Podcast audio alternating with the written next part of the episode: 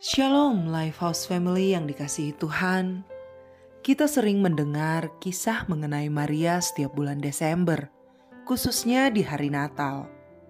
Sekalipun Alkitab tidak banyak mengisahkan mengenai Maria, namun berdasarkan beberapa ayat berikut ini, kita dapat mengetahui siapa Maria.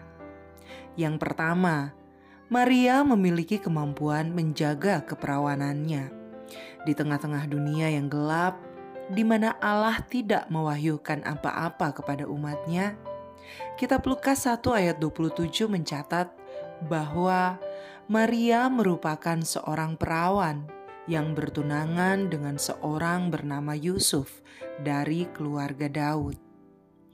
Yang kedua, Maria memiliki karakter yang baik.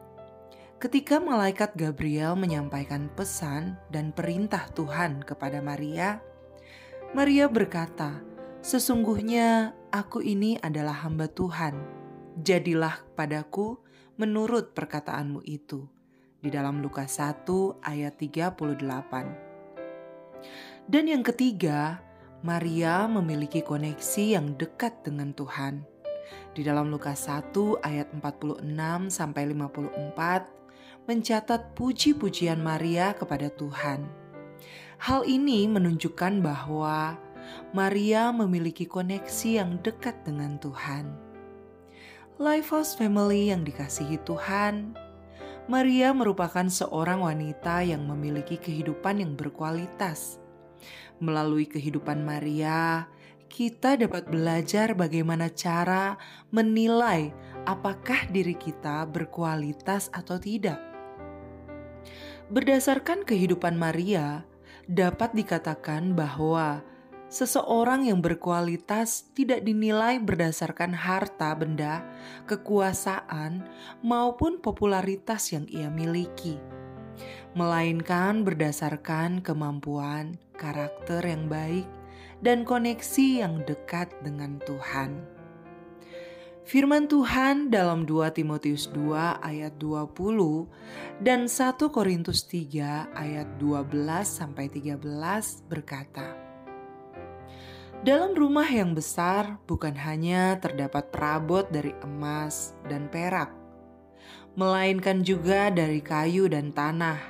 Yang pertama dipakai untuk maksud yang mulia, dan yang terakhir untuk maksud yang kurang mulia Entahkah orang membangun di atas dasar ini dengan emas, perak, batu permata, kayu, rumput kering, atau jerami, karena hari Tuhan akan menyatakannya. Sebab ia akan nampak dengan api, dan bagaimana pekerjaan masing-masing orang akan diuji oleh api itu. Lifehouse Family yang dikasihi Tuhan, sebagai orang percaya, sudah seharusnya dari hari ke hari kita meningkatkan kualitas hidup kita, kemampuan, karakter yang baik, dan koneksi yang dekat dengan Tuhan.